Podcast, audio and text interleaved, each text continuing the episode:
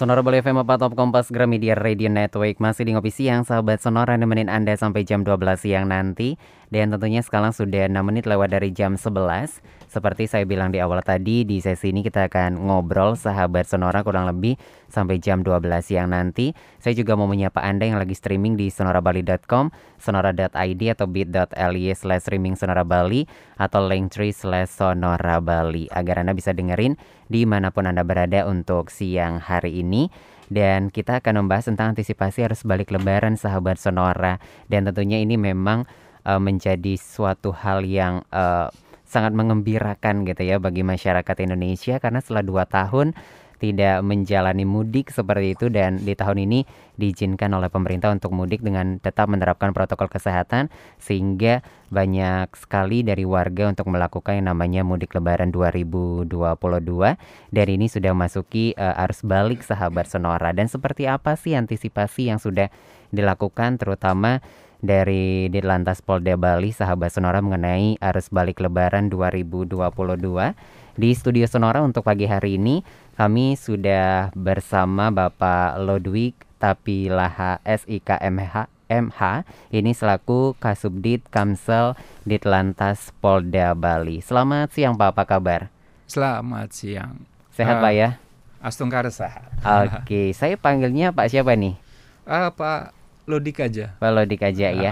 Oke Pak, ini uh, kan uh, menarik ya perbincangan kita karena setelah dua tahun masyarakat yeah. Indonesia uh, tidak uh, boleh dikatakan tidak diizinkan untuk mudik hmm. gitu ya di tahun ini yeah. kembali diizinkan dengan penerapan protokol kesehatan yang uh, ketat pastinya karena masih pandemi Covid-19. Nah, kita ngomongin di Bali sendiri khususnya gitu, Pak. Ini sebelum ke arus balik yang memang sudah terjadi hmm. dan mungkin uh, kapan hari ini juga sebagai puncaknya Minggu atau Sabtu kemarin yeah. gitu. Kalau kita melihat arus mudik di Bali uh, yang keluar Bali seperti hmm. apa Pak tahun ini? Iya. Uh, karena kita sama-sama tahu bahwa selama dua tahun selama COVID-19 ini masyarakat tidak pernah melaksanakan yang namanya mudik. Hmm. Dan pada saat kesempatan inilah pemerintah mengizinkan masyarakat untuk mudik dengan persyaratan harus vaksin, hmm. terutama vaksin booster dan vaksin tiga kali, yeah. vaksin lengkap. Hmm. Nah, antusias masyarakat yang mau mudik ini cukup tinggi. Dilihat dari gerai-gerai vaksin sebelum uh, akhir-akhir uh, bulan April itu. Sebelum memudik ya. Ya, sebelum ya? memudik itu cukup meningkat. Uh. Yang selama ini kita lihat kalau ada yang ditawarkan ayo vaksin. Nanti biasanya aja nanti deh, aja. Deh.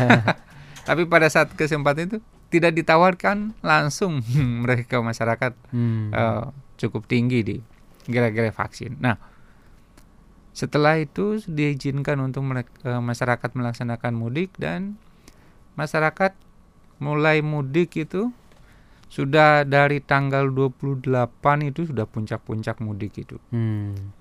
Dari 28, 29, 30. Nah, tanggal 30 malam 30 itu cukup tinggi untuk masyarakat yang keluar Bali. Hmm. Sehari itu aja kurang lebih 174 ribu dalam satu hari itu. Satu hari itu untuk meninggalkan Bali, menyeberang ke Jawa, hmm. ke Ketapang. Nah, hmm.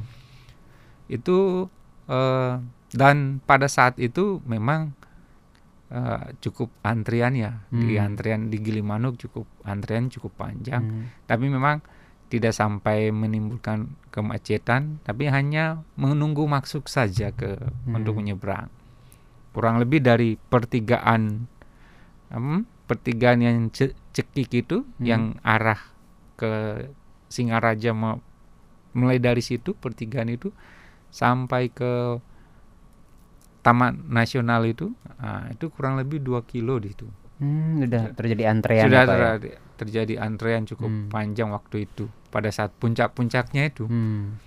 Tapi Astungkari semuanya dapat uh, berjalan dengan baik. Hmm. Dan juga dari pihak kepolisian sendiri khususnya direktorat lalu lintas sendiri dalam membangun pos-pos ya kan pos-pos pelayanan pos-pos pengamanan hmm. dan juga berkolaborasi dengan instansi terkait untuk meng, uh, membuat tempat gerai-gerai vaksin yang ada di tiap-tiap pos itu hmm. jadi di sebelum masyarakat melaksanakan uh, penyeberangan di sana dicek dulu apakah dia sudah vaksin lengkap atau belum atau sudah vaksin booster atau belum.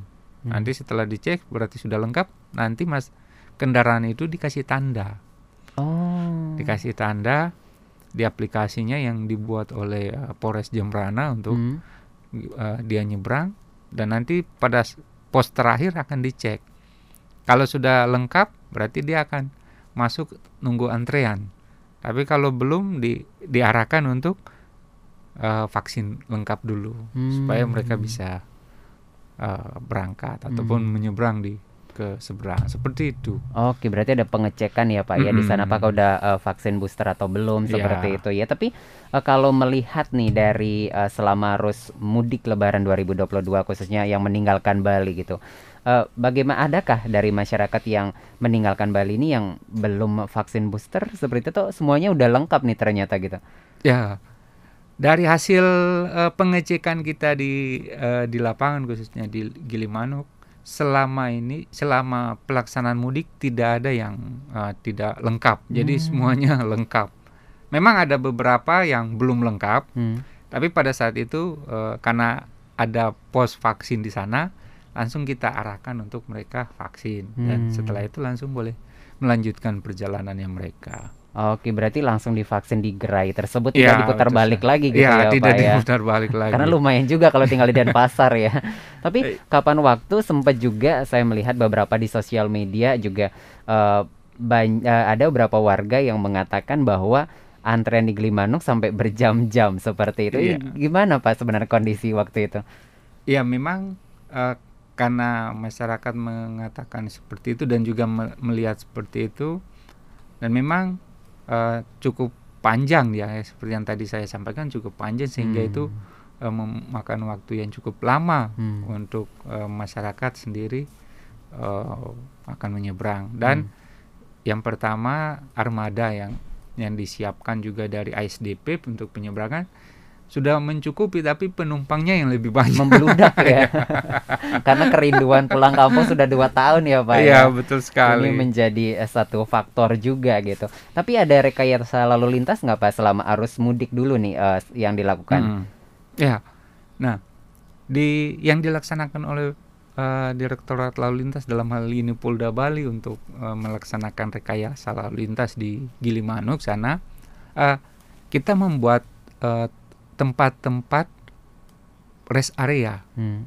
Dan rest area ini di kita sam, uh, sampaikan kepada masyarakat ada lokasi-lokasi parkir yang disiapkan untuk sementara masyarakat sebelum melanjutkan ataupun mendapat informasi uh, kepadatan yang di sana mereka bisa istirahat dulu sebentar di tempat-tempat rest area itu. Hmm. Nah, ada beberapa tempat yang sudah ada kurang lebih enam tempat terhitung mulai dari uh, perbatasan dengan uh, Tabanan di Pengragoan hmm. di situ kita buat di sana ada rest area ada posnya juga dan mengarah ke barat sampai ada di parkiran-parkiran uh, kendaraan Suzuki ada terminal di negara dan beberapa tempat lagi untuk mengantisipasi kalau terlalu banyak masyarakat yang uh, mengantri. Hmm. Kemudian selain daripada tempat-tempat itu di uh, uh, pelabuhan Gilimanuk sendiri sudah di kita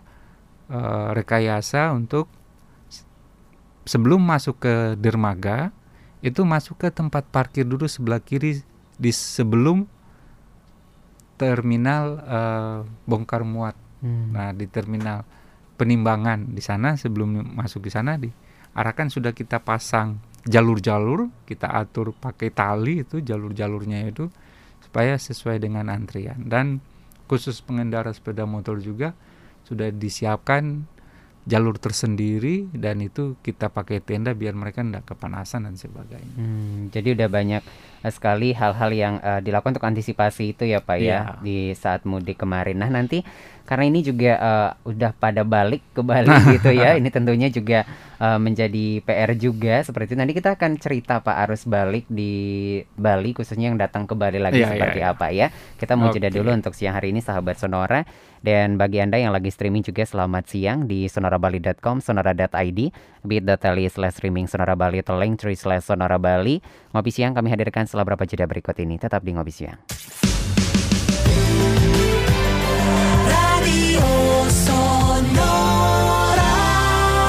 Sonora Bali FM apa Top Kompas Gramedia Radio Network masih di Ngopi Siang nemenin Anda di siang hari ini sahabat Sonora. Kita masih membahas antisipasi harus balik lebaran tentunya di sesi ini sahabat sonora kalau tadi kita udah membahas bagaimana uh, situasi mudik kemarin seperti itu dan apa hal-hal apa yang sudah dilakukan dari Ditlantas Polda Bali sahabat sonora. Dan sekarang kita akan lanjut lagi nih sahabat sonora ya. Kita membahas uh, bagaimana arus balik uh, lebaran 2022 ini dan bagaimana juga hal-hal yang sudah dilakukan untuk mengantisipasi ya Pak ya. Uh, tentunya pergi banyak, balik juga pasti banyak gitu ya Pak ya. seperti apa nih Pak arus balik uh, Lebaran 2022 da, uh, yang menuju ke Bali seperti itu? Ya, uh, di kita sampaikan kepada teman-teman uh, bahwa untuk arus balik ke dari masuk ke Bali sendiri untuk saat ini kita tidak ada antrian dari Ketapang ya untuk masuk Bali tidak ada tidak ada antrian. Hmm. Tetapi dari hasil pemantauan di tempat penyeberangan itu kurang lebih 43 ribu hmm. orang uh, yang masuk ya hmm. untuk itu tercatat kemarin uh, hari Minggu hari Minggu kemarin nah, hari hmm. Minggu nah jadi rata-rata setelah H plus Eh, empat H plus 3 H plus 5 dari hari H hari lebaran tanggal 3 berarti kalau H plus 3 berarti tanggal 6 tanggal 7 tanggal 8 hmm. itu rata-rata jumlah yang masuk seperti itu hmm. dan mungkin uh, kalau dibandingkan dengan arus mudik ini memang belum belum, belum ya sebanding ya belum Pak, ya? sebanding ya? uh, apakah mereka yang arus mudik itu apakah mereka kembali lagi atau mereka masih menunggu masih liburan lagi di hmm, kampungnya hmm, hmm, hmm. jadi masih uh, belum ada uh, peningkatan yang cukup signifikan dibandingkan dengan uh, arus mudik pada hmm. saat uh, puncaknya. Hmm. Berarti ini juga menjadi antisipasi gitu ya Pak ya karena yeah. ternyata uh, yang diprediksikan kalau di daerah-daerah lain itu uh, Sabtu Minggu adalah puncak arus yeah. balik tapi ternyata di Bali sendiri tidak terlalu terjadi peningkatan signifikan. Hmm. Berarti ini bakalan ke depannya masih ada nih uh, arus balik gitu ya pak ya. ya? Uh, Apa yang ini udah dipersiapkan nih? Yang pasti yang kita antisipasi yang khususnya untuk arus balik ya tentu saja masyarakat yang nanti akan datang bukan cuma masyarakat yang Bali waktu mudik dan juga mungkin ada juga uh, keluarga yang pingin juga liburan dan kita tahu mungkin sekarang ini sudah ujian sekolah ya. Hmm. Nah ini sudah mungkin nanti mereka tunggu selesai ujian sekolah biar libur dulu. sama-sama ya, ya. Itu nanti mungkin kita akan puncaknya di sana hmm. biar mereka liburan dulu, habis lebaran, habis ujian dulu, baru mereka kembali. Nah, hmm. Nah ini yang uh, kita antisipasi ke depannya dan itu sudah kita lakukan. Kita, pertama kita menghimbau pada uh, tempat-tempat uh, yang cukup ramai, misalkan di sekolah-sekolah, di pasar-pasar ataupun di tempat-tempat yang kita kira masyarakat yang akan cukup meningkat di sana, kita sudah menghimbau untuk selalu tetap mengantisipasi uh, keamanan dan sebagainya hmm. bagi masyarakat-masyarakat ataupun yang nanti masuk Bali maupun nanti akan uh, jalan-jalan hmm. uh, di Bali sendiri. Oke, karena Bali juga tujuan wisata ya Pak ya. Jadi ya. ini tidak menutup kemungkinan libur sekolah ini juga jadi momen bagi mereka untuk datang ke Bali, iya. apalagi dengan dibukanya sudah pariwisata Bali ini. Nah, tentunya bagi uh, uh, mereka ataupun masyarakat yang uh, balik ke Bali itu hmm. uh, syaratnya sama seperti mudik atau seperti apa, Pak? Ya, tentu saja sama. Hmm. Sama pasti kita akan uh, melaksanakan pengecekan juga pada saat nanti uh, mereka masyarakat ini masuk ke Bali. Dan pasti sudah kita bekerja sama dengan uh, ASDP dalam hmm. hal ini uh, penyeberangan uh, dinas perhubungan untuk kita melaksanakan apa yang sudah kita laksanakan pada saat uh, arus mudik. Nah itu, jadi kita untuk mengantisipasi kita melaksanakan kegiatan uh, seperti itu kita melaksanakan pengecekan. Jadi masa uh, teknisnya di pelabuhan di Gilimanuk sana itu. Jadi pada saat kendaraan datang masuk setelah turun dari uh, kapal feri penyeberangan itu, pada saat mau masuk pintu Bali mereka berhenti dulu. Jadi mereka masing-masing penumpang itu turun, turun semuanya dari kendaraannya masing-masing dan akan diverifikasi oleh uh, petugas yang ada di sana. Hmm. Dilakukan verifikasi dulu, setelah itu baru dilanjutkan perjalanan. Nah, hmm. apabila pada saat um, petugas menemukan uh, masyarakatnya tersebut belum vaksin lengkap, langsung pada saat itu juga langsung di, divaksin di tempat itu karena hmm. sudah dipersiapkan gerai vaksinnya di sana untuk hmm. antisipasi masyarakat yang balik masuk dari di Bali seperti itu. Hmm. Oke dah uh, sebelum nanti kita jeda lagi Pak. Ini uh, kalau dilihat dari arus mudik kemarin uh -uh. gitu ya, itu kan udah kita melewati puncak arus mudiknya. Lebih banyak uh, masyarakat ini menggunakan uh, kendaraan umumkah atau pribadi seperti apa Pak? Karena kan kemarin ada himbauan juga untuk mengurangi menggunakan yang namanya roda dua, tidak yeah. disarankan seperti itu. Tapi bagaimana dengan warga yang meninggalkan Bali Pak? Nah, yang meninggalkan Bali kebanyakan menggunakan roda empat hmm. ataupun uh,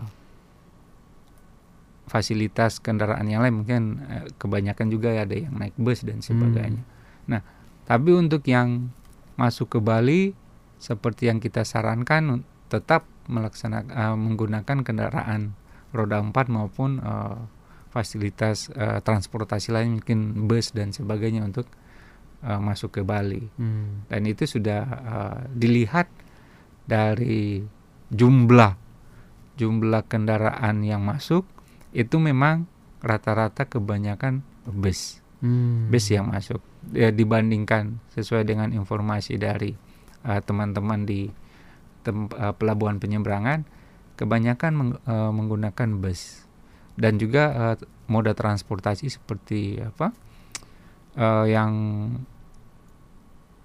seperti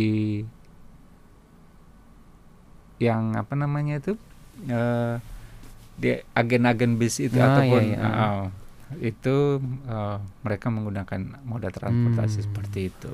Oke, jadi ini memang uh, kepatuhan dari masyarakat yang tinggal di Bali ini sudah sangat tinggi gitu ya, Pak ya. Iya. Dan tentunya ini juga mengurangi terjadi hal-hal yang tidak inginkan di jalan seperti itu. Nah, ini kan mengenai arus mudik dan arus balik uh, 2022 ini udah boleh dikatakan tidak terlalu jad, terjadi penumpukan kendaraan hmm. yang sangat signifikan dan arus balik pun ini masih perlu diantisipasi karena ternyata di Bali sendiri belum terlalu banyak yang masuk ke Bali lagi gitu. Ya. Tapi kan menjadi antisipasi adalah tempat-tempat wisata. Kalau ya, kita betul. lihat liburan kemarin pun dan nanti liburan sekolah ini kan menjadi PR juga nih bagaimana nih mengantisipasi. Nanti kita bahas ya Pak ya di sesi ya, selanjutnya ya, ya. Kita akan bahas nih sahabat sonar di sesi selanjutnya bagaimana uh, untuk mengantisipasi tidak hanya arus balik lebaran saja tapi bagaimana juga bagi uh, masyarakat yang sudah kangen banget yang liburan ke Bali. Nampaknya udah lama sekali uh, tidak berkunjung ke Bali dan ini menjadi momen juga bagi mereka untuk berkunjung ke Bali dan tentunya akan terjadi peningkatan yang sangat luar biasa. Nanti kita akan bahas di sesi selanjutnya.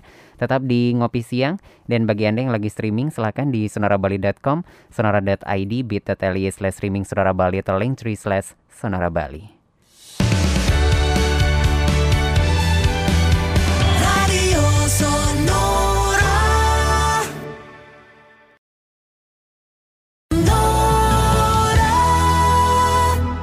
Masih di Ngopi Siang, sahabat Sonora nemenin Anda di siang hari ini sampai jam 12 siang nanti.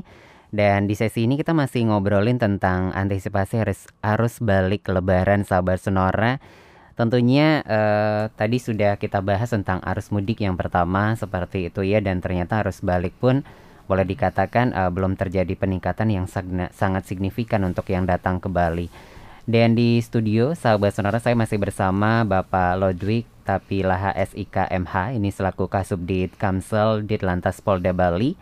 Dan kita akan lanjutin lagi nih Pak ngobrol karena Bali kan sebagai hmm, daerah tujuan wisata hmm. gitu ya selain mengantisipasi arus balik seperti itu seperti yang tadi, tadi dikatakan yeah. bahwa ini juga berdekatan dengan hari libur bagi anak-anak sekolah yeah. seperti itu. Nah, bagaimana uh, uh, nah mengantisipasi nanti tapi kemarin juga saat uh, libur lebaran. Nah, ini juga tempat-tempat wisata ternyata full booking semua nih. Bagaimana iya, Pak iya. kemarin nih uh, yang sudah dilakukan untuk uh, ke keramaian tersebut? Iya, uh, khusus untuk tempat wisata ya DTW daerah tujuan wisata yang ada di Bali uh, terhitung dari libur bersama itu udah cukup mengalami peningkatan yang cukup signifikan. Hmm. Uh, dari misalkan kita ambil contoh di Tanah Lot sendiri itu tanggal 2 pas hari lebaran nih. Yeah, yeah. Tanggal 2 itu itu yang hari biasanya yang cuman 30 uh, sampai 100 orang ya hari-hari biasa sebelum libur bersama. Kemarin tanggal 2 itu informasi dari teman-teman yang melaksanakan tugas pengamanan di sana, tanggal 2 itu kurang lebih 7000 kalau hampir 7 6, ya? 6 ribuan, 6 ribuan yang masuk ke sana. Okay. Nah, ini uh, berdampak dari masyarakat yang uh, yang ada bukan cuma di Bali tapi masyarakat yang di Jawa juga yang di pada saat uh, dampaknya itu pada saat pembantunya mudik, hmm. nah majikannya ini liburan, liburan. ke Bali, liburan ke Bali. Hmm. Jadi pada saat hari itu cukup antre dan cukup macet juga hmm. di daerah-daerah tujuan wisata dan memang cukup banyak. Hmm. Oh, rata-rata rata-rata di uh, semua tempat daerah tujuan wisata yang ada di Bali itu peningkatannya 300 sampai 500 persen oh. dari hari biasa ya, hmm. dari hari biasa sebelum libur uh, libur bersama ini. Hmm. Jadi 300 sampai 500 persen itu uh, kunjungan wisata wisatawan yang hmm. di tempat-tempat seperti itu, bukan hmm. cuma di tempat-tempat destinasi wisata seperti yang sudah besar ya seperti Tanah Lot, Pantai hmm. Kuta, Pantai Sano dan daerah Kintamani juga cukup padat. Iya. cukup padat. Itu tidak terlepas dari hmm. uh, masyarakat yang ya mungkin selama dua tahun ini mereka ndak sangat haus iya, dengan haus. Bali ya. Iya. Oke dan tentunya itu juga satu hal yang uh, boleh dikatakan kabar bahagia juga ya yeah. Pak ya setelah dua tahun ini Bali benar-benar kayak sepi, tidak ada wisatawan yang datang dan sekarang membludak seperti ini dan tentunya ini juga perlu antisipasi antisipasi juga iya, Pak ya dengan saja. keramaian yang sangat luar biasa dari kunjungan 30 menjadi 6000 iya. itu kan sangat luar biasa butuh uh, apa ya antisipasi seperti hmm. apa nanti karena libur uh, sekolah juga bakalan iya, mungkin terjadi lagi nih itu. seperti apa antisipasi nah, yang akan dilakukan untuk itu kami dari jajaran kepolisian khususnya Polda Bali telah membuat uh, pos-pos uh, pengamanan, pos-pos uh, pelayanan yang ada di tempat daerah-daerah uh, tujuan wisata itu. Hmm. Nah, di sana sendiri bukan uh, sekedar mengamankan tapi juga melayani dan juga ada fasilitas-fasilitas yang bisa dinikmati oleh uh, pengunjung tempat wisata misal ada tempat untuk melaksanakan relaksasi. Hmm. Jadi ada daerah eh, tempat-tempat tertentu yang disiapkan ada kursi pijit-pijitnya seperti itulah tempat-tempat hmm, relaks hmm, hmm, hmm. itu disiapkan oleh pihak uh, yang uh, bersama-sama berkoordinasi dalam melaksanakan kegiatan-kegiatan pengamanan di daerah wisata khususnya di sana hmm. dan juga uh, ada tempat-tempat untuk uh, peristirahatan jadi hmm. kalau misalkan masyarakat yang wah ini terlalu pa padat panas nih boleh istirahat di pos silakan hmm. kita siapkan tempat ya sekedar untuk uh, mengelepas dahaga di uh, pos-pos pelayanan itu. Hmm. Jadi memang setiap tempat yang besar, tempat-tempat pariwisata yang cukup besar kita siapkan pos pelayanan di sana. Itu pun juga berkoordinasi dengan instansi terkait dan pihak-pihak yang uh, pemerhati lingkungan juga untuk bersama-sama kita menjaga masyarakat yang berlibur di Bali hmm. seperti itu. Oke, jadi banyak sekali udah yang disiap disiapkan ya, seperti uh, itu ya, Pak. Nah, kalau kita melihat kan orang datang ke Bali pasti uh, identik dengan Pantai Kute, daerah iya. Kute. Nah, ini kan menjadi tempat yang bakalan ramai sekali. Uh, ada rencana bakalan nanti uh, kalau membludak lagi ya. nih orang liburan ada rekayasa lalu lintas atau uh, seperti apa ya. gitu. Uh, untuk mengantisipasi uh, lonjakan nanti uh, masyarakat yang melaksanakan liburan khususnya di Pantai Kuta, kita uh, menerapkan uh, one way dia. Hmm. One way di sana dari uh, Jalan Kartika hmm. itu nanti masuk ke Pantai Kuta dan terutama yang bis otomatis yang menggunakan kendaraan besar dan uh, kendaraan uh, pengangkut massa misalkan seperti itu Nah, semuanya tetap uh, kita arahkan untuk mereka di sentra parkir untuk hmm. melaksanakan uh, parkir di sana. Nanti setelah di situ baru nanti diangkut oleh kendaraan-kendaraan kecil yang sudah dipersiapkan di di situ untuk uh, wisatawan yang nanti akan jalan-jalan uh, di Pantai Kuta hmm. seperti itu. Jadi itu ya uh, yang sudah uh, uh, akan dilakukan untuk antisipasi nanti ya uh, Pak ya karena ini uh, semoga sih tetap uh, akan terus ramai ini kunjungan yeah. yang datang ke Bali. Selain itu pastinya juga uh, bagi mereka yang uh, liburan nanti di mungkin bulan Juli ini atau Juni hmm, Juli ya, ya Pak ya. Betul. Ini uh, apa juga yang perlu diperhatikan nih bagi masyarakat yang ingin datang ke Bali terutama uh, ke tempat-tempat wisata gitu. Ya. Uh, khusus bagi masyarakat yang nanti mau liburan ke Bali khususnya di pada saat hari-hari yang nanti direncanakan oleh mereka hmm. yang perlu diantisipasi ke mana dia dulu hmm. ke mana tujuannya itu yeah, yeah, yeah.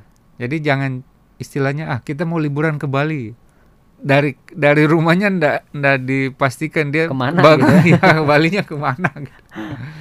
nah nah dipastikan dulu tujuannya daerah wisata yang mana kemudian setelah itu nanti dari rumahnya pasti menggunakan uh, kendaraan. Hmm. Nah, kendaraannya ini juga harus diantisipasi eh, uh, mulai dari uh, bensin apa BBM-nya, bahan bakarnya kan. Hmm. Jangan sampai ngisi bahan bakarnya sedikit, tahu-tahu di daerah tujuan wisatanya macet ya, hmm. lagi membludak kan, ya, ya, ya. ngantri kan itu hmm. mungkin SPBU-nya agak jauh ah, itu kerepotan. Jadi harus antisipasi kendaraannya dan juga untuk otomatis dari kendaraan, kemudian yang nanti siapa yang nyopir ya.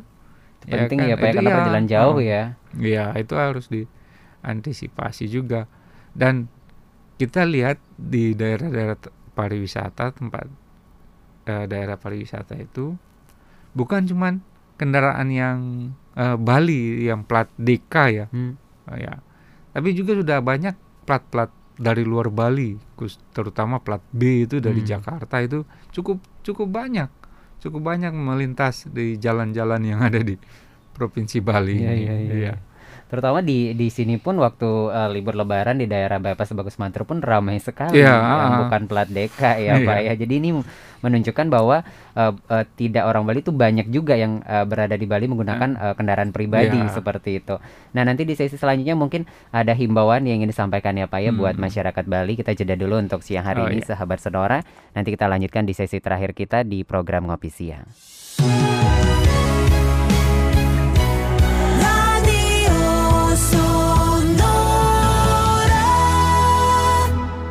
Sesi terakhir ngopi siang hari ini sahabat Sonora membahas tentang antisipasi arus balik lebaran.